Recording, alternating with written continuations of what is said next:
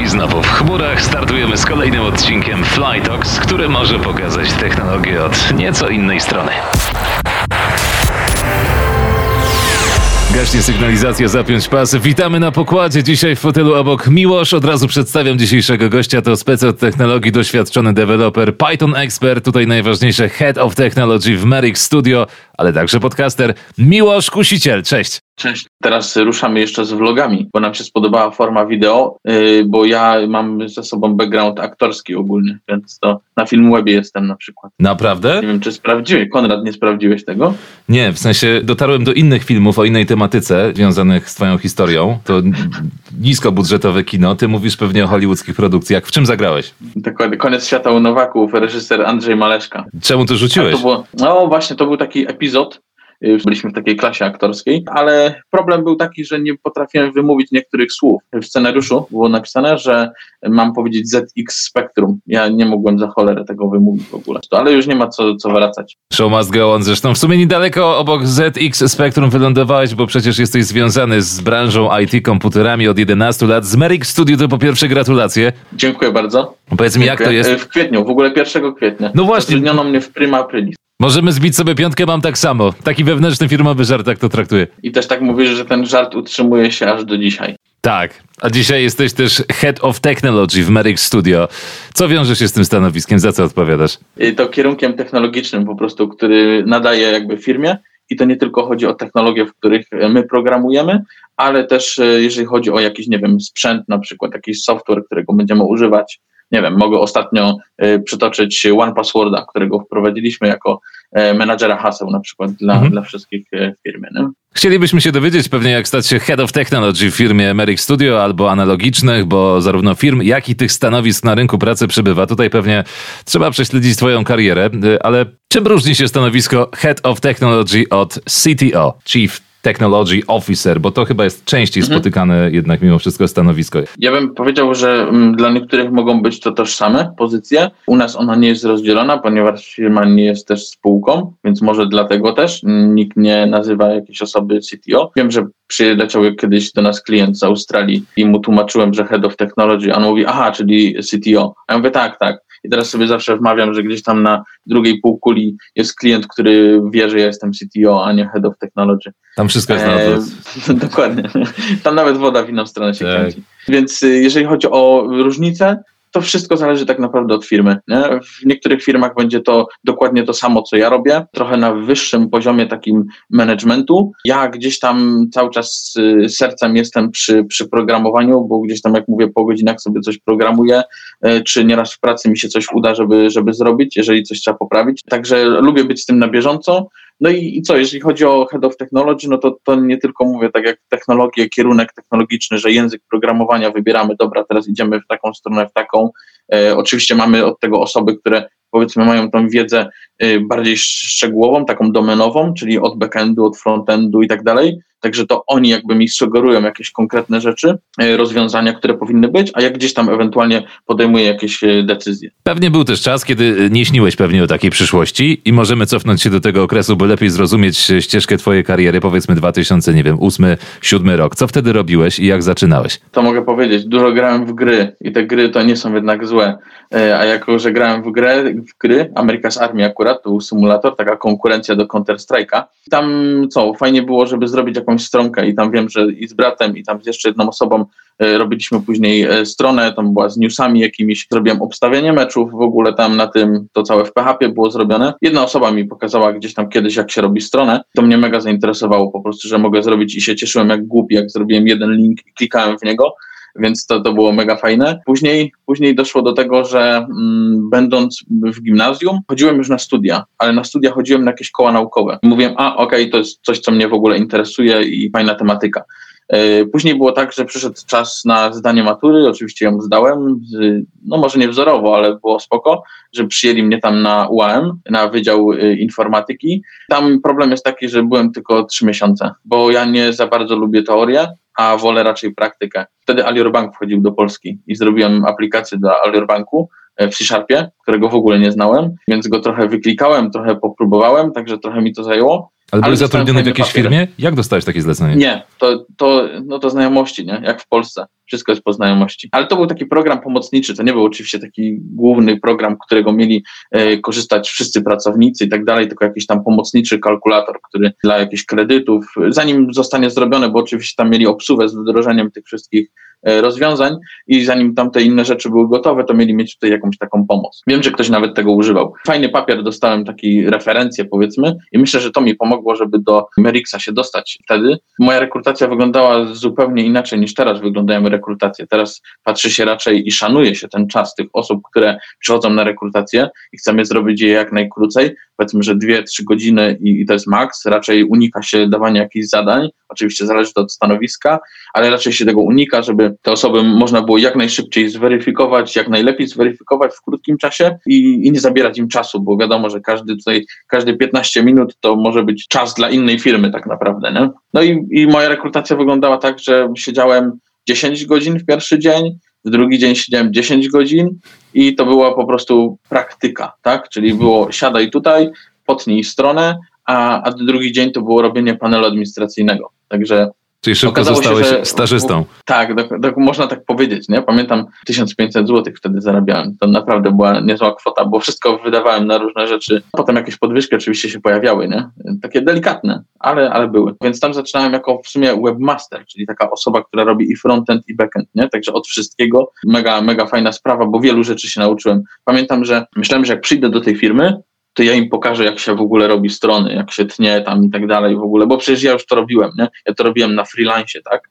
E, no a okazało się, że po dwóch dniach to ja miałem tak wielką głowę od tej całych, tych wszystkich informacji, które się pojawiły, że naprawdę mega mi się to podobało i do dzisiaj się uczę wielu rzeczy tak naprawdę, szczególnie jak zatrudniamy jakieś e, fajne osoby typu jakiegoś regulara, seniora, a nawet i junior jak przyjdzie, to pewne rzeczy nam pokaże, których e, niekoniecznie gdzieś tam mieliśmy okazję zaobserwować na przykład. A wracając do kinematografii i niskobudżetowych produkcji, wspominałeś na e, jednym ze swoich wystąpień o kliencie, który, no nie mogę przytoczyć jego brandu tak wprost, ale chyba wiesz o którym mi chodzi, bo, tak. bo to też jest ciekawa historia, że tak naprawdę branża filmów dla dorosłych jest e, według ciebie prekursorem wielu rozwiązań też technologicznych. Dokładnie.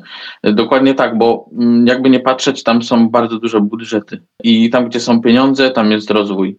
E, więc. To strasznie brzmi, jak, powiem ci. Wiem, ja wiem, że trochę strasznie, ale Taka prawda. No, coś, coś nam pomaga, żeby się jakby rozwijać, nie? Więc y, na YouTubie chociażby poklatkowe pokazywanie, kolega mi mówił, że tak na tych innych stronach jest, że tak najedziesz na filmik, masz poklatkowe w ogóle sceny. To na YouTubie też to mamy, tak? Kiedyś tego nie było, a w pierwszej kolejności pojawiło się właśnie to na tych zupełnie innych portalach. E, także jest jeszcze wiele innych rozwiązań, ale to też y, trzeba patrzeć na to, że tam jest bardzo dużo na przykład odwiedzin i tak dalej. No cieszy się dużą ogólnie popularnością taka, taka branża i te wszystkie strony, e, więc wyzwania technologiczne też są w ogóle, nie? Ja akurat miałem dużo mniejsze, tak, bo ja, moim największym wyzwaniem wtedy było zrobienie y, retuszu zdjęć w, w JavaScriptie, żeby tam pani, która dodaje anonsę, mogła sobie nałożyć chmurkę na twarz na przykład, tak, żeby nie było widać jej twarzy, nie? A, a było widać resztę. E, no, ale tam pojawiały się potem już jak była wersja produkcyjna, to widziałem te wszystkie zdjęcia i pojawiały się też y, i, i męskie części, więc musiałem to sobie zakryć i zrobiłem sobie taką wtyczkę, która ukrywa mi wszystkie zdjęcia po prostu i, i działałem jak na normalnym portalu, także... Ale widzę, że się uśmiechasz mówiąc o tym, to dobrze, bo wiele osób pewnie poszłoby pewnie na terapię po, po, po, po takim projekcie.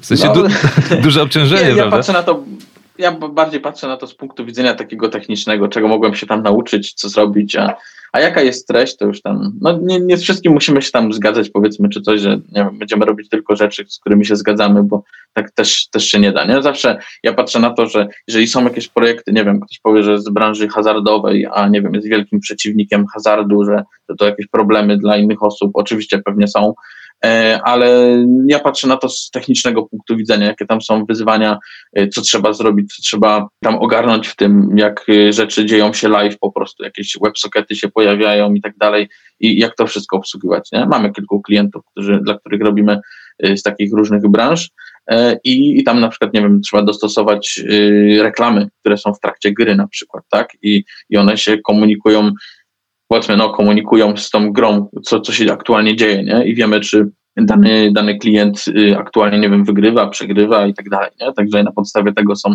wyciągane jakieś wnioski. No i w ten sposób y, docieramy do 1 kwietnia 2010 roku, zaczynasz pracę w Merrick Studio. To jest typowy software house? Czym jest ta firma? Wcześniej była agencją interaktywną, teraz y, Merrick Studio to jest software house, który zatrudnia już 200 osób. Jak przychodziłem, byłem ósmą osobą. Pamiętam różnicę między ośmioma osobami, a, a teraz ile jest.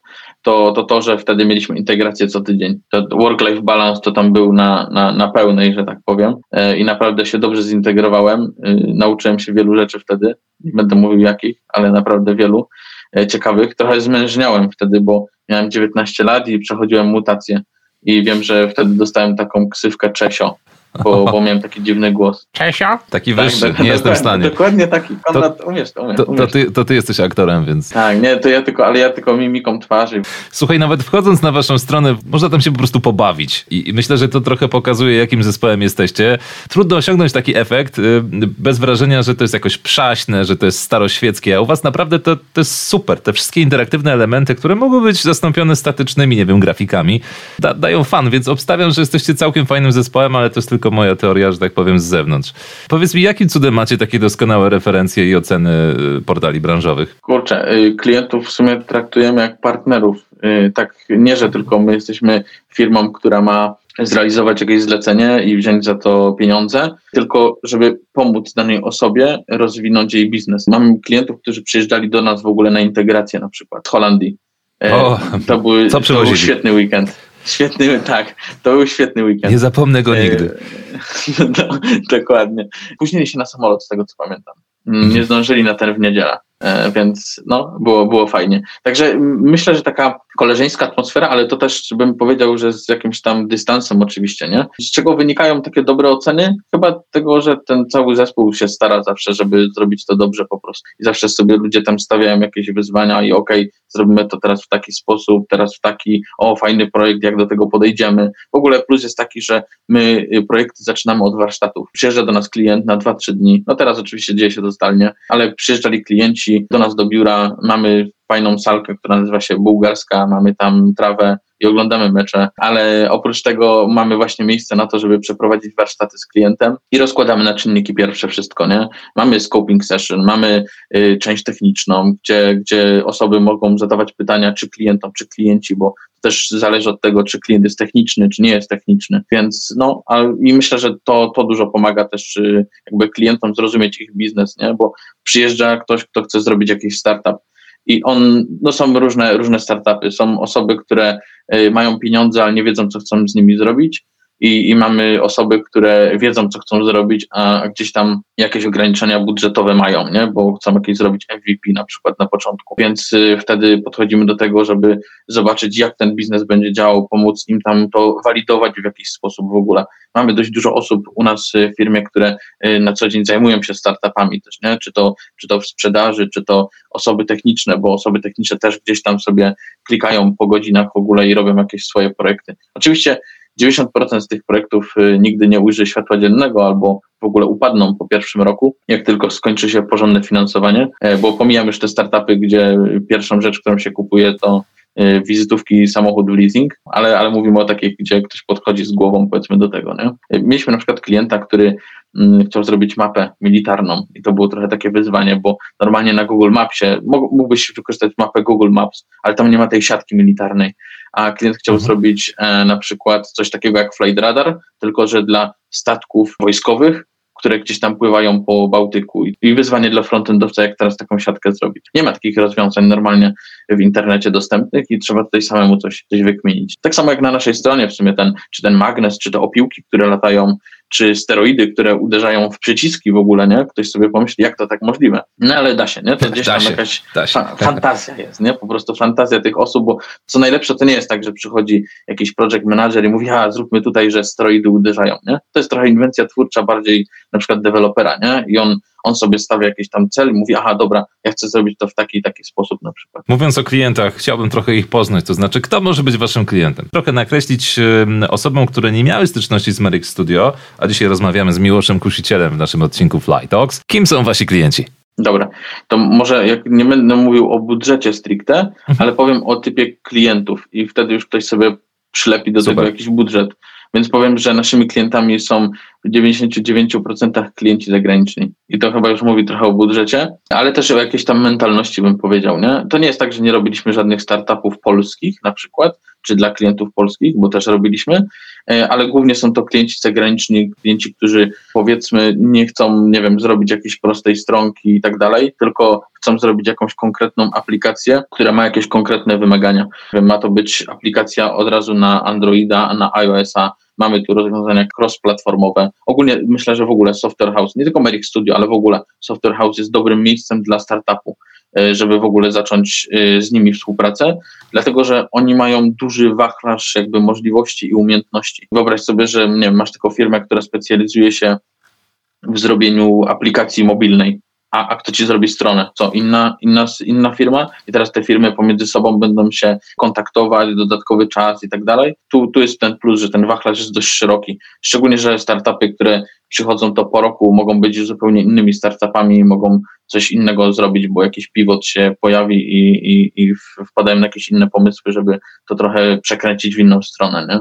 Mhm. Także y, jacy, jacy klienci jeszcze się e, w ogóle pojawiają? No, dużo z branży fintechowej. Ktoś powie, że pandemia trochę nam popsuła plany, gdzieś tam powiedzmy, że popsuła w jakimś tam, nie wiem, może rozwoju czy coś, ale to tylko na chwilę. Zrobiliśmy coś zupełnie innego niż inne firmy, czyli nie, nie, nie pozwalnialiśmy nagle, nie wiem, wszystkich juniorów, chociaż dużo ich nie było, tylko zrobiliśmy inną rzecz. Szef powiedział, dobra, to ja dorzucam do pieca tutaj i niech się pali, nie? i nie paliło się jak w OVH, cała serwerownia ostatnio, tylko raczej tak, że y, to wyszły nam efekty. No i teraz mamy problem, nie? bo mamy tylu klientów, że musimy z nich wybierać. Mamy za mało ludzi, gdzieś tam rekrutujemy, no bo 10-15 osób miesięcznie dla nas to jest tak dużo, e, więc y, no, no i tak nadal nie możemy obsłużyć wszystkich, których byśmy chcieli. Mamy ten komfort, czy dla deweloperów, czy dla naszych osób, które w ogóle pracują w firmie, bo to tylko nie deweloperzy, żeby wybierać tych klientów w jakiś sposób, nie? czy na podstawie tego staku technologicznego, czy coś jest ciekawe, czy jest mniej ciekawe na przykład dla nas. Nie? Wiem, że to może być okrutne, że firma sobie gdzieś tam wybiera, z kim chciałaby pracować, no ale to też chodzi o to, że wyobraź sobie, że przychodzi klient, który chce, nie wiem, prostą stronkę, jest fajnym klientem, no okej, okay, ale czy dla dewelopera będzie to jakieś wyzwanie? No, no raczej nie, nie. Lubicie startupy? Czy pracuje się z nimi jak z takimi innymi rozhulanymi biznesami, klientami, którzy po prostu są obecni na rynku od lat. I jakie mhm. tutaj problemy we współpracy widzisz, bo powiedziałeś, że niektóre startupy jednak zaczynają się od leasingu i kredytów, ale mówimy tutaj o takim przypadku startupu, który ma jakieś szanse powodzenia. To w sumie mamy dwa rodzaje klientów. Mamy i, i startup, startupowych i mamy klientów typu enterprise, czyli takich klientów, których y, biznes już jest, już jest, y, już jest wyskalowany na przykład, i czy przejmujemy po jakiejś innej firmie, czy w ogóle mamy po prostu im pomóc dalej to zeskalować, czy, czy nie wiem, na podstawie e, infrastruktury na przykład zmienić typu cloudową, to jest digital transformation jakiś i tak dalej, e, czy cloud migration, to wtedy pomagamy trochę przeanalizować ten projekt i, i przenieść ich do chmury, przenieść do, ich do konkretnych rozwiązań, które są, bo oni widzą, że mają trochę z tym problem. Tak? Było kilka startupów, które na przykład pojawiły się w taki sposób, że mówią, hej, nam się udało, ale nie potrafimy się w ogóle teraz zeskalować, mamy tu jakieś ograniczenia, nie? A, a gdzieś tam mają, nie wiem, serwer na Hetznerze kupiony za 500 euro i i, I teraz jest problem, bo nie można obsłużyć wszystkich klientów, których by chcieli, a, a faktycznie pomysł wypalił. No i wtedy wchodzimy my tutaj cali na biało i, i mówimy, słuchaj, zróbmy to, to. I niekoniecznie to są mikroserwisy, bo wszyscy mówią, że mikroserwisy, ale no nie robimy Netflixa i nie startujemy w kosmos, nie? więc mhm. tu trzeba wstrzymać konie i popatrzeć na to trochę takim y, y, okiem realisty na to wszystko. Nie? Mówiąc o startupach, chyba trzeba powiedzieć y, o wersjach MVP, czyli Minimum Viable Product. Finalnie po takim y, krótkim procesie dostać y, działający produkt z minimum funkcjonalności. Pytanie, czy taki stan rzeczy, gdy zgłasza się do Was startup i chce stworzyć coś, co już działa, coś, co będzie można przeklikać, coś, co będzie można pokazać już klientowi, no i prawdopodobnie zebrać kolejne środki na rozwój tego projektu, czy takie podejście jest najczęstszym? Czy takie podejście polecasz nowym startupom? Ewentualnie dla kogo w ogóle się nie sprawdzi? Dla startupów chyba jednym z większych wyzwań jest określenie MVP, I od tego w sumie też jesteśmy my, żeby jako osoba, taka firma z zewnątrz popatrzyła na to i zweryfikowała trochę, co faktycznie w tym MVP powinno być. I trochę hmm. wyciągamy z tego klienta i słuchaj, czy to na pewno musi tam być, nie? Czy Jakie, może zrobimy jakieś przykłady? rozwiązanie? Co zauważysz jako hmm. taki grzech MVP raczej, startupów? Okej, okay, raczej jest tak, że klienci w wielu przypadkach chcą automatyzować rzeczy, które niekoniecznie potrzebują być automatyzowane. Ten wytworzenie na przykład jakiegoś oprogramowania y, może być dużo droższe niż zatrudnienie jednej osoby, która miałaby to robić po prostu ręcznie. A to nie? ciekawe. Więc no, zarządzanie jakimiś. O, y, mieliśmy klienta, który y, chciał y, wyceniać dachy solarne takie bardzo popularne, szczególnie mm. to w Niemczech, i żeby to pojawiało się na tych wszystkich dachach i żeby można było od razu obliczać wszystkie rzeczy, które mają się pojawiać. Czyli my musielibyśmy, no mamy tam powiedzmy były rzeczy dostępne, jak kąt nachylenia, nasłonecznienie, w jakich dniach i tak dalej w ogóle. Nie jesteśmy w stanie określić wszystkich rzeczy, takich, które by umożliwiły wycenienie tego ale osoba, która jest specjalistą, może usiąść i na podstawie niektórych danych wycenić te rzeczy, w jakich firmach ile będzie, na przykład to kosztowało, bo powiedzmy dostawców jest, nie wiem, 50 na terenie y, Niemiec, strzelam, bo, ale nie, nie jest to jeden ani dwóch, tylko dużo więcej. E, no i teraz jak pozbierać od nich te wszystkie rzeczy? Oni nie są w ogóle zdigitalizowani. Nie? Oni mają te wszystkie rzeczy gdzieś tam może w jakimś Excelu, w jakimś notatniku, ktoś siedzi, pan, pan y, Jan jakiś i, i tyle i, i, i, wysyła jakimś, no dokładnie, Hans będzie siedział i będzie wysyłał jakimś mailem na przykład. No i teraz wyobraźmy sobie, żeby połączyć ten świat cyfrowy z tym niecyfrowym, to będzie to bardzo duży koszt, bo musimy jeszcze i tam trochę zmodernizować na przykład. Czy da się? No to możemy parsować jakieś maile, możemy jakieś rzeczy wymyślać i tak dalej, ale po co, nie? To jest obarczone dużym ryzykiem i dużym błędem, który może się pojawić, nie? A teraz, czy klient zastanowił się, czy faktycznie dużo czasu nad tym ktoś spędzi? To jest coś, co Michał Sadowski w jednym z waszych odcinków mówił, że trzeba trochę zwalidować to, co się dzieje po prostu, nie? Że oni wszyscy robią, bo mają pomysł i mówią, że tak będzie super, a niekoniecznie. Najpierw trzeba to sprawdzić w boju po prostu. Więc dużo osób się boi, że jak zrobią MVP, to to jest za mało. No wiemy, że to jest za mało, bo to nie jest to, co oni są w 100%, nie? Ale na czymś trzeba to sprawdzić. Tak to wygląda, jak często osobno w Polsce jest bardzo bardzo popularne kupowanie, nie wiem, mieszkań, domów i tak dalej. No to czy ktoś od razu kupuje sobie, nie wiem, mieszkanie, które ma 150 metrów? okej, okay, może jak go stać, to tak, nie? Ale na początku raczej kupujesz jakieś mniejsze, patrzysz, czy ono będzie pasowało, jaki, co, co w ogóle wymagasz od takiego mieszkania, jaki układ powinien być i tak dalej. I tu jest dokładnie tak samo, nie? Jak samochód kupujesz, to też najpierw bierzesz jakiś taki, który, którym skrzynię biegów 50 tysięcy razy rozwalisz na przykład, nie? A potem dopiero kupujesz sobie tam Panamerę czy co innego. No ba, no zwłaszcza jak y, kodzisz w Pythonie, prawda? Chyba jest jasne. No Python jeden, jeden z popularniejszych języków, czy ktoś od razu może kupować Panamerę? Pewnie w leasing pewnie tak. Nie? No, kwestia rocznika, słuchaj, kwestia rocznika. Popularny. Rocznika, dokładnie. No tak. tak. Zapomniałem, się. bo już myślałem tylko o salonowych. Początkujący startupy, co radziłbyś im od strony technikaliów, jako head of technology, którzy, no nie wiem, chcą korzystać na przykład e, z własnego SaaSa, software as a mhm. service, e, nie wiem, z perspektywy własnego doświadczenia. Tutaj akurat lepiej kupić własny serwer, czy już tutaj przechodzimy do tematów chmurowych? To ja bym powiedział tak czy ktoś chciałby się e, zbudować dom, za pierwszym razem na przykład budować dom na pustym polu, na którym nie ma nic e, i strzelać, jak będzie miał ten dom wyglądać. Przychodzi sobie do firmy, takiej jak Merrick Studio i my mu zaproponujemy jakieś konkretne rozwiązania, gdzie on pójdzie do powiedzmy takiego szkieletu domu i będziemy mogli sobie resztę dobudować, czyli jakby wykończyć go w środku. Przykład, korzystanie z jakichś frameworków. E, mamy jakieś, nie wiem, w Pythonie powiedzmy Django. Wszyscy mówią, że Django jest bardzo fajne do prototypowania i się z tym zgadzam, bo przychodzi taki startup i chce zrobić tak, żeby ta część dla klientów była na przykład bardzo y, dobrze rozbudowana, a część administracyjna już mniej. No to teraz pytanie, czy mamy tworzyć customowy panel administracyjny, no trochę szkoda czasu na to, nie? No bo to nam nie zweryfikuje tego. Przyjdzie jakiś tam pan anioł biznesu i powie, no ale super panel administracyjny, a ta strona dla klientów to w sumie może być taka słaba, jaka jest. No raczej nie powie, nie? Raczej będzie odwrotnie, będzie patrzył na to od strony klienta, a panel administracyjny będzie tą drugorzędną sprawą, nie? No i mamy takie frameworki, które umożliwiają na przykład zbudowanie w dość szybki sposób aplikacji, tak, żeby ona po stronie frontendowej czy, czy backendowej jakby też dobrze działała, a ten panel administracyjny zostanie wygenerowany po prostu. Jeżeli ktoś nie potrzebuje czegoś takiego, że będzie to super igła w ogóle w panelu administracyjnym, to poszedłbym na przykład w taką stronę. Więc jeżeli startupy miałyby wybierać jakieś konkretne rozwiązania, bym poszedł w stronę takich, gdzie są popularne frameworki, tak żeby oni później mogli znaleźć jak najłatwiej deweloperów, którzy by to robili, a nie, że oni nagle sobie wybiorą Vue, bo teraz jest, nie wiem, hype, ale na rynku pracowników na przykład, e, nie wiem, nie ma dużo chętnych, którzy chcieliby w tym pracować. Więc e, ja bym poszedł w popularne rozwiązania,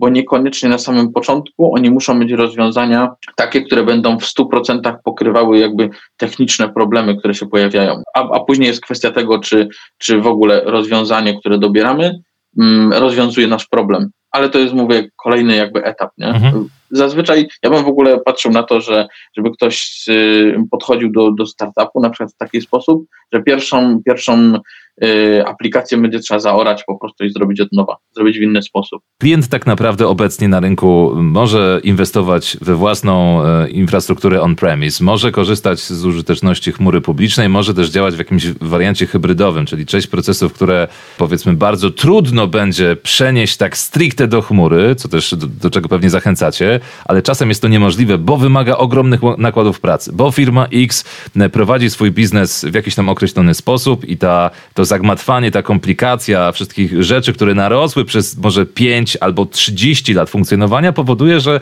tak jak powiedziałeś wcześniej, trzeba by zatrudnić po prostu dwudziestkę ludzi, którzy pracowaliby nad tym projektem, a na to w obliczu powiedzmy roku czy dwóch lat pracy nie ma najzwyczajniej pieniędzy i to się po prostu nie opłaca. Więc rozumiem, że taki model hybrydowy może być też rozwiązaniem. Czy proponowaliście coś tak. takiego? Powiem tak, że nie wyobrażam sobie startupu, który miałby nie korzystać z rozwiązań chmurowych. To jest coś, co daje taką elastyczność. Tak jakbyśmy mogli bez problemu w domu przestawiać ściany po prostu, bez większego remontu i kurzu. Nie? E, I mamy dużo też gotowych rozwiązań. Ok, za nie trzeba płacić oczywiście, tak, bo jakbyśmy postawili sobie, mówię, jakiś serwer na Hetznerze i też by działało pewnie, nie? Ale, ale jak przyjdzie za chwilę ta jakaś tam skala większa, to, to będzie problem. Nie? Chcemy, nie wiem, rozpoznawanie obrazu czy jakieś inne rzeczy. Rozwiązania chmurowe dają taką możliwość. One dają możliwość wyszukiwania jakiejś y, bazy danych, big data, jakieś tam i tak dalej, więc to, to ja bym poszedł w taką stronę, żeby od razu na chmurę i, i tyle, bo to, to nie jest tak, że to musi się wiązać z ogromnymi kosztami. Właśnie to jest tak, że to jest dzięki temu, że to jest rozwiązanie chmurowe i takie skalowalne, to możemy dostosować. Jeżeli teraz mamy mało klientów, to ok, mamy te na przykład y, nasze y, serwery, które tam są o niższych parametrach na przykład, tak? Jeżeli będzie więcej, będzie włączone skalowanie i tak dalej. I to można sobie dalej rozszerzać. Plus jaki jest kolejny? Większość firm, bym powiedział, że 99%, które są na rynku polskim i zagranicznym, są zaznajomione z rozwiązaniami chmurowymi, więc jak pojawia się coś takiego jak infrastructure as a code, czyli zapisujemy sobie całą infrastrukturę jako kod, na przykład w takim Terraformie, e, no to możemy to przekazać do innej firmy. Powiedzmy, są startupy, które robią u nas, a potem chcą to robić in-house, u siebie po prostu. E, no to wtedy my im przekazujemy ten kod i słuchajcie, wy teraz możecie sobie dalej to jakby robić, nie? Ten kod musi być ładny i czytelny. To w ogóle jest możliwe, by zbudować kod, który będzie tak w pełni, czy, czy musicie poświęcić jeszcze mnóstwo czasu na to, by wdrożyć kogoś? Powiem tak, ten nasz kod to jakby Adam Mickiewicz na to spojrzał, to by się nie wstydził. Wiedziałem, że odpowiesz w tym stylu. Nie no, co, jeżeli chodzi o jakość kodu, no to wiadomo, y, plus jest taki, że czym się przyciąga też pracownika jakby do firmy? Tym, że my mamy jakieś standardy. Wiele osób, które są bardziej doświadczone na przykład i przychodzą na rekrutację, to mówią, dobrze, a jakie wy macie standardy? Tak? Uu, macie wow. standardy Rynek pracownika. Nie? No to dokładnie, nie? No jest rynek pracownika. Wszyscy myśleli, że przez pandemię będzie odwrotnie, a tak nie jest. Więc, więc nadal. No ale to też dla nas jakby dobre, nie? I dla klientów naszych, którzy nas mogą ocenić, bo też są robione audyty na przykład z zewnątrz naszych projektów i klienci tam oceniają na przykład, że aha, dobrze, jest do, dobra jakość kodu na przykład i tak dalej, bo też są firmy, które po nas otrzymują jakiś kod na przykład, nie? Czy my po innych firmach. Warto mieć jakiś taki standard firmowy, no bo patrząc na to, że możemy sobie jednego dewelopera przenieść do innego projektu, no to żeby on nagle nie czuł się, że pracuje w zupełnie innej firmie, że jest inny standard, inne podejście, tylko żeby było raczej zbliżone. Wykorzystanie rozwiązań chmurowych, czyli jakieś, nie wiem, mamy CI, CD na przykład, no i wrzucamy sobie jakieś rzeczy, no to u nas wewnętrznie akurat mamy Google Clouda jako rozwiązanie wewnętrzne chmurowe do środowiska testowego, no to wszystko jest sprawdzane od razu, czyli lintery, czyli ta jakość e, jakby kodu, w sensie czy on jest czytelny, zgodny z zasadami tam na przykład Pythona, tam PEP8, dzięki temu my nie musimy tego gdzieś tam klikać, czy jacyś testerzy no, manualnie, tylko automatyczne testy, które są już gdzieś napisane na przykład, one się odpalą, zweryfikuje nam, czy na przykład dana poprawka nie psuje innych rzeczy. To jest mega wygodne i duże, duże uproszczenie. Oczywiście też trochę czasu zajmowało, żeby to wszystko sobie wypracować, żeby to tak działało, no ale teraz, jak mamy jakieś powiedzmy boilerplate, czyli że mamy przygotowany zestaw w ogóle aplik- paczek takich, które są dla danego projektu, i mamy już kilka rzeczy w ogóle skonfigurowanych lub kilkanaście rzeczy skonfigurowanych, no to dla nas to jest duże ułatwienie. No a dla tego startupu przychodzi na gotowe po prostu, nie? I my szybciej w ogóle zaczniemy, zaczniemy ten projekt. Przykład, jak mówiłem o tym e, kliencie, e, który chciał zrobić sobie panele, wycenianie paneli solarnych na dachach, to mieliśmy e, dwa dni warsztatów i pomiędzy jednym a drugim dniem zrobiliśmy na szybko, pokazaliśmy mu, jak może wyglądać dane rozwiązanie. Takie po prostu proof of concept, ale to było takie powiedzmy godzinne, dwugodzinne, nie? On był zaskoczony, że my mogliśmy coś takiego zrobić, że nam się chciało po prostu, nie? My to zrobiliśmy dodatkowo po prostu, tak żeby samemu sprawdzić, czy, czy to, o czym my mówimy, faktycznie się może udać, nie? No i akurat tam wyszło, nie? Tym chyba przekonuje się klientów, co? Myślę, myślę, że tak. No takim ludzkim podejściem też, nie? Sami chcielibyśmy tak być traktowani przecież, nie? Więc to dziwne, jakbyśmy mieli tylko robić w taki sposób, żeby klient, który od nas, nie wiem, skończy, kończy z nami współpracę, to, to, to żeby nas nie polecił dalej. To jest w ogóle bardzo rzadkie. Nie? Klienci raczej polecają sobie innych. My też y, zbieramy jakieś referencje od innych klientów i wysyłamy do innych, bo na przykład to jest klient z Nowego Jorku, robimy dla na przykład szkoły tańca w Nowym Jorku na przykład, tak? I mamy klienta, który jest w Nowym Jorku, to go skontaktujemy jednego z drugim i oni mówią, aha, dobra, to jak ty tutaj przecież jesteś z Nowego Jorku, to jesteś mój ziomek przecież, nie? Też mieszkasz na Brooklynie, no to, to oni robili dla ciebie, to dla mnie pewnie też będą robić dobrze i się dowiem, nie? Bo to tak wiadomo. No, najlepsze jest takie, takie podejście, gdzie ktoś ci poleci jako kolega po prostu, nie? I to samo jest w sumie z pracą, nie? Jeżeli chodzi o deweloperów, czy testerów, czy wszystkie inne osoby, które u nas są w innych działach, bo, bo co w sumie istotne, my realizujemy projekty całościowo, czyli mamy UX, UI po swojej stronie, mamy y, testerów, mamy deweloperów i tak dalej. Nie zajmujemy się tylko marketingiem jakby, nie? Chociaż przy startupach wiem, że tam y, pomagamy przy jakimś pitchowaniu na przykład i tak dalej. To, to tak. I to jest myślę, że duży w ogóle też plus. Możemy z każdej strony temu klientowi w ogóle pomóc. Wracając do tematu migracji, jeszcze mi już chciałem zapytać o jedną ważną rzecz. Najczęściej mówimy o jednym kierunku, a czy zdarzają się migracje z chmury no, do własnej infrastruktury? Czy spotykacie się z takim zapytaniem, albo czy sami dochodzicie do wniosku, kurczę, no faktycznie trzeba zrobić to w tę stronę? Nie przypominam sobie takiej sytuacji. Mm, może dlatego, że niekoniecznie gdzieś tam się tym chwalimy, że takie coś robimy, to może dlatego tacy klienci do nas nie trafiają, e, więc raczej bardziej idziemy w tą stronę, że rozwiązania chmurowe, czy to AWS, czy, czy Google Cloud, e, więc nie, w drugą stronę raczej to nie było. To musiało być ciekawe w ogóle zagadnienie, że klient by przychodził. W ogóle klienci przychodzą z różnymi pomysłami. E, klienci przychodzą z pomysłem, że mówi tutaj, aha, ja mam, chcę zrobić mikroserwisy, bo usłyszał gdzieś, że są mikroserwisy. A okazuje się, że po dłuższej rozmowie z klientem on w ogóle nie miał na myśli mikroserwisów, bo, bo no, to się wiąże z dużą liczbą godzin, które trzeba spędzić nad tym, żeby najpierw sobie rozkminić to wszystko, jak to zrobić i czy to w ogóle ma sens. Nie, no, no, no nie robimy, mówię, drugiego e, Ubera, Netflixa i czegokolwiek tam innego, żeby, żeby od razu wpuszczać się w jakieś takie buzzwordy, powiedzmy, które się, się pojawiają. Nie? Oczywiście mamy też tak dużych klientów, gdzie robimy dla nich konkretnie na przykład mikroserwis, nie?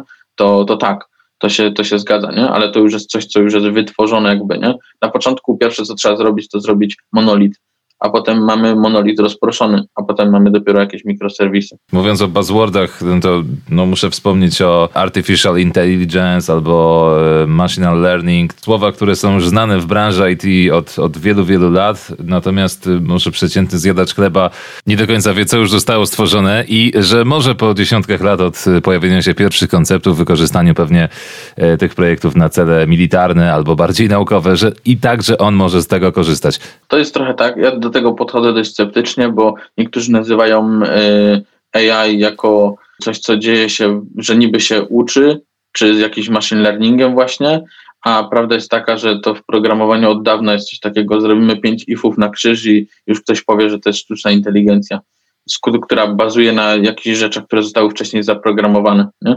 Więc to też trzeba rozdzielić, jakby czy faktycznie wykorzystujemy jakieś modele machine learningowe, które gdzieś tam faktycznie są trenowane na jakimś cloudzie czy czymkolwiek innym i tak dalej, czy realizowaliśmy projekty? Tak, realizowaliśmy takie projekty, gdzie miało się generować logo na przykład dla, na podstawie jakiegoś tekstu, który jest tam wstawiony i, i żeby można było ładnie wyglądało to logo w taki sposób, jakby zrobił je grafik. Oczywiście idealne nigdy nie będzie, ale to wszystko zależy od tego, ile mamy danych wejściowych, nie? I, i pamiętam, że tam wtedy, żeby powiedzmy to wytrenować, jak to ma, ma wyglądać, to daliśmy naszym grafikom na przykład, żeby wybierali te dane, czyli mieli, mieli punkt wejścia w ogóle, a potem widzieliśmy, jaki jest tego jakby efekt, nie? Żeby ktoś najpierw wytrenował, pokazał, co jest dobre, a, a później co, co nie jest, jakby, nie? No mówię, z tym, z tym machine learningiem i tak dalej, czy, czy to wszystko można tak nazwać, wszyscy wrzucają to do jednego worka, bo, bo tak jest najłatwiej po prostu, nie? E, ale nie wiem, kiedyś robiliśmy serwis e, z ofertami zakupów grupowych e, Godzilla, potem go chyba tam sprzedaliśmy, zamknęliśmy, taki wewnętrzny, przy którym pracowałem w sumie 8 lat w Merixie i, i tam na przykład było automatyczne przypisywanie ofert do kategorii na podstawie nazwy. Mhm. No i co? I czy to jest machine learning? Czy to jest jakieś AI? No nie sądzę, nie? Bo Ktoś poświęcił ogrom pracy.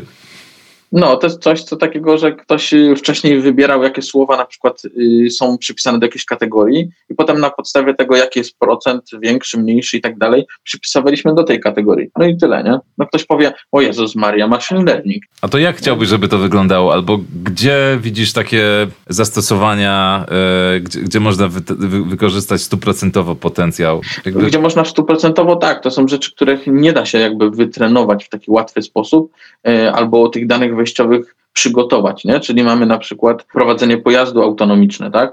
E, gdzie, gdzie jednak ten świat jest mocno rozbudowany i mhm. tam ma brać pod uwagę na przykład to, y, nie wiem, znaki i tak dalej, w ogóle coś, co można oczywiście zaprogramować tutaj, ale to, co się dzieje na drodze, już nie zaprogramujemy tak w łatwy jakby sposób, nie? I, i to są elementy, które mogą się się pojawiać w takim machine learningu. Nie mówię, że tylko Tesla takie rzeczy robi i tak dalej, ale no, przy jakichś innych rzeczach też, też się mogą, mogą pojawiać. Nie? Jakieś, do jakiejś predykcji na przykład, to, to myślę, że tak, znowu też kolejne rzeczy. Nie? Czyli ogólnie jest taka różnica, że deweloperzy mniej tego robią, a bardziej to robią data scientists na przykład. Więc to są osoby bardziej trochę z matematycznym podejściem, i gdzieś tam nauczyły się po drodze Pythona i, i paru bibliotek, jakieś Pandasy i PyTorcha i TensorFlowa i, i tyle. Nie? Więc y, oczywiście nie spłycam tego, bo ja bardzo szanuję, że oni to znają i, i rozumieją, bo ja do dzisiaj tego nie rozumiem wszystkiego, y, jak to konkretnie działa, no ale coś tam mniej więcej widziałem, nie? ale no mówię, to tak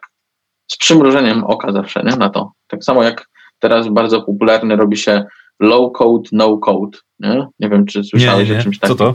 No, chcieliby wszyscy zamienić tych programistów, żeby oni już nie programowali, a klient po prostu to może nawet i w sprzedaży, żeby ludzie klikali, wyklikali mu aplikację. Mm. Okej, okay, są takie rozwiązania, gdzie wyklikujesz sobie, bo wiele rzeczy, no nie oszukujmy się, jest powtarzalnych, tak?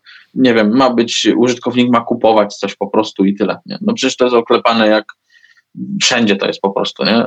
iStock i wszystkie inne aplikacje, to wszystko tak samo działa po prostu, nie? Jak taki e-commerce'owy e, sklep po prostu. Mhm. Więc no to są rzeczy, które można uprościć, no i nie potrzeba do tego jakby programisty, nie? żeby on to wyklikał. Wszystko jest fajne, tylko do pewnego momentu, tak jak zresztą startupy i jakieś rozwiązania z frameworkami. One się sprawdzą, ale do pewnego etapu. I jeżeli chcemy sobie komuś zaprezentować na przykład nasze rozwiązanie, ok, można to wyklikać, pokazać, o, to jest mój pomysł, na przykład ja go sobie waliduję, daję go na rynek, zobaczymy, co się stanie. Ale to bym powiedział, że ja jako, że jestem osobą techniczną, to trochę patrzę na to jak na takie, taka zabawka dla, dla osób nietechnicznych po prostu, dla tych, co nie potrafią albo nie chcieli się nauczyć programować, a chcieliby coś stworzyć, nie? No to niech sobie tam klikają, no. no będzie się zawsze coś dzieliło na dwie grupy, nie? Tych, którzy są techniczni będą mówili, że, że to, to jest trochę wymysł jakiś i osoby nietechniczne, które powiedzą, powiedzą że o, ale super rozwiązanie, bo, bo możemy teraz sobie stworzyć aplikację, nie? No pewnie, że tak, nie? Mhm. Róbcie. Wybawcie się w swojej piaskownicy, my w swojej.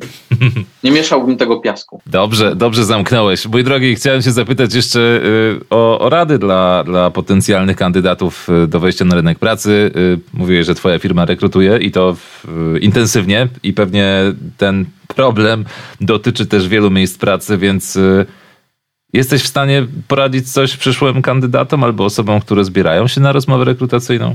Yy, mogę poradzić. Dość długo rekrutowałem w ogóle w Meriksie, potem mnie odsunięto od tego, yy, ale to znaczy sam się odsunąłem i tylko jakby zajmuję się rekrutacją software architekta, czyli już takiej osoby, która jest przy tych enterprise'owych klientach. Yy, tam za dobrze mi szło po prostu w tej rekrutacji i mówię, dobra, to teraz inni ale niech się popiszą. zatrudniałeś wszystkich czy nikogo? Nie, ja znaczy dużo osób zatrudniłem, no to, to prawda. E, ale plus jest też taki, że na przykład pojawiają się osoby na rekrutacji, które mówią, o Miłosz, przecież ja cię znam z piątków po deployu, nie? Mm. No, no, tak. Jest fame. fame jest. Fame jest, jest. Fame. Szkoda, że nie z filmu, nie? Że tam mówi, o na Filmwebie cię widziałem i masz super ocenę 8.0, nie? Ale, chyba, ale... chyba, chyba zmi może zmieniłeś się od wiesz, wieku 10 lat. Y, trochę, trochę tak. Mm. Nie mam zdjęcia tam, no ale to już inna sprawa. Y, wracając do, do tego, co bym polecił, to poleciłbym, żeby mogli pochwalić się praktyką czyli kodem, który gdzieś umieszczą sobie na GitHubie, GitLabie, czy gdziekolwiek na jakimś repozytorium, gdzie mogliby pokazać efekt swojej pracy. No bo wyobraźmy sobie, jak jesteśmy takim kandydatem, postawmy się po stronie rekrutujących osób. Nie? Czy te osoby mogą tak naprawdę przez dwie godziny ocenić i, i czy ja mogę się pochwalić tym wszystkim, co bym chciał. Nie? to jak zrobiłem aplikację, to pokaż tą aplikację, nie? Oczywiście nie wchodź tam wszystkie, nie wiem, oni mają jakiś swój plan na tą rekrutację przecież, nie? Więc na końcu zawsze jakieś są pytania, czy coś możesz dodać i tak dalej, no to wtedy pokażesz to, taką aplikację, jaką zrobiłeś, czy, czy stronę, czy coś i powiesz, jakie miałeś wyzwania i tak dalej, to będzie zupełnie inaczej wyglądało, niż jak ty jeszcze, jeszcze jesteś szczególnie po przebranżowieniu jakimś, że, że tam, nie wiem, byłeś lekarzem i teraz też być programistą, bo, bo wolisz, jak błędy, które popełniasz, nie, nie narażają jakiegoś ludzkiego życia, to, to, no to możesz zrobić to w taki sposób, że no, mógłbyś opowiadać jakieś rzeczy, aha, robiłem tamto, tamto i tak dalej, nie? I, I, co byś chciał robić. Dużo osób, które przychodzą na rekrutację, mówią, co by chciały robić, nie? A nie mówią o tym, co zrobiły, co im się już udało, nie? Bo okej, okay, każdy, kto przychodzi na rekrutację, mówi, że czego on oczekuje? Rozwoju, rozwoju. No każdy oczekuje rozwoju, no, no, no dobrze, no Dobrze, że w firmach nikt nie pyta, czy ktoś chce oddychać w ogóle, nie?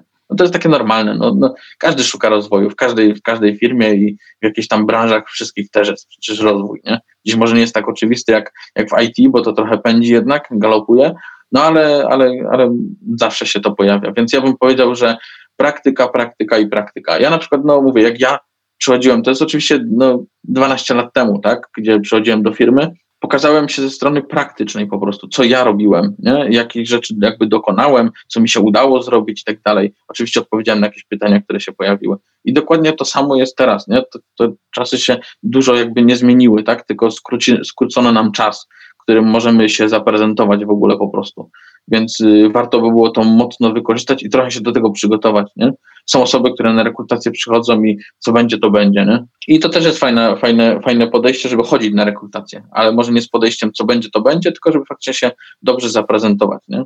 Bo czy, czy potem ktoś nas przyjmie, czy nie. To też oczywiście fajnie rekrutować się do firmy, której wiemy, że dostają fajny feedback. Czy, czy to negatywny, czy pozytywny, bo ten negatywny myślę, że o, o ten negatywny dużo trudniej w niektórych firmach. No ja nie miałem dużo przypadków jako osoba, która się rekrutowała, bo ja byłem w sumie w dwóch miejscach się rekrutowałem. I w Merrick Studio, a wcześniej tylko w takiej ogromnej korporacji, jaką jest McDonald's. I to jeszcze w hmm. taki sposób, że mój brat bliźniak poszedł za mnie i ja nie musiałem iść, więc tak dostałem pracę. I popracowałem sobie parę miesięcy tam i nauczyłem się wielu ciekawych rzeczy, E, na przykład co to jest 3K, że 3K to jest e, komunikacja, kooperacja, koordynacja. Jak może wyglądać komunikacja przy mopowaniu?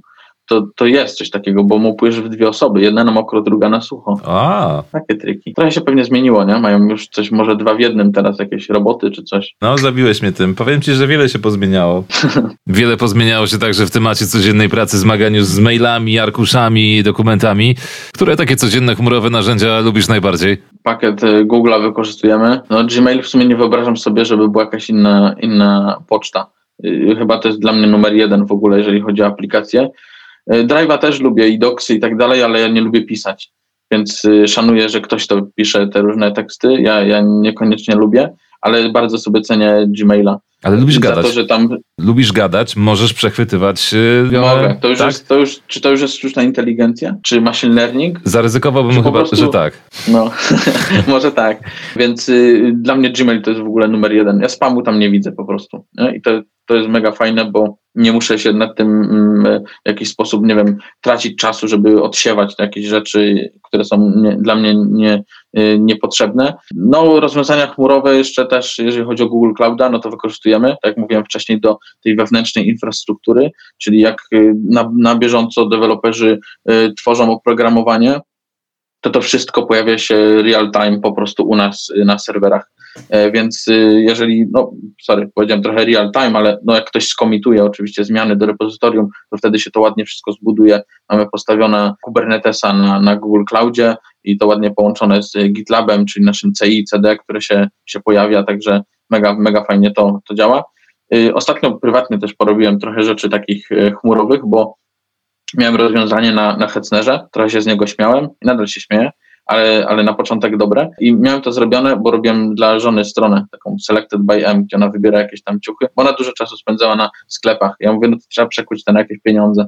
Zrobiłem wtyczkę, gdzie ona klika sobie i wybiera te ciuchy, które są spoko, z dobrym składem i tak dalej. Podobno to ma jakieś znaczenie, że to jest jakaś bawełna taka, a tu jakaś tam inna. E, no i, i, i co, może sobie to wybierać i to się pojawia na jakiejś, na, na stronie Selected by M. I teraz y, ja to zrobiłem na Hetznerze i zrobiłem to w taki sposób, jak po prostu umiałem wcześniej i, i tyle. I mówię, bo po co będę się męczył jakoś więcej. No ale potem mówię, kurde, my w tej firmie przecież to zrobimy te rozwiązania chmurowe i fajnie by było sobie trochę też porobić dla siebie, powykorzystywać. Szczególnie, że mi się podobają akurat Google'owe rozwiązania, typu jakieś PubSuby, jakieś inne rzeczy. No to mówię, dobra, to, to zmieniam. No i po dwóch tygodniach zrobiłem całość, bo to po godzinach sobie oczywiście tak robiłem, jakieś weekendy też. E, no ale fajna sprawa, bo zrobiłem sobie i w Terraformie, i mam na Google Cloudzie konto ładnie założone z różnymi usługami i mam tam ładny, piękny monitoring i, i teraz sobie tylko obserwuję statystyki, czy y, wszystko się ładnie zgadza, czy dużo jest do zapłacenia, czy nie, ale, ale aktualnie mało wychodzi, bo mam takie mikro w ogóle serwerki postawione, także y, śmieszne będzie teraz, jak sobie pomyślałem, to się tak mądrowałem o tym MVP i w ogóle, że klienci nie potrafią zdecydować, co ma być w tym MVP.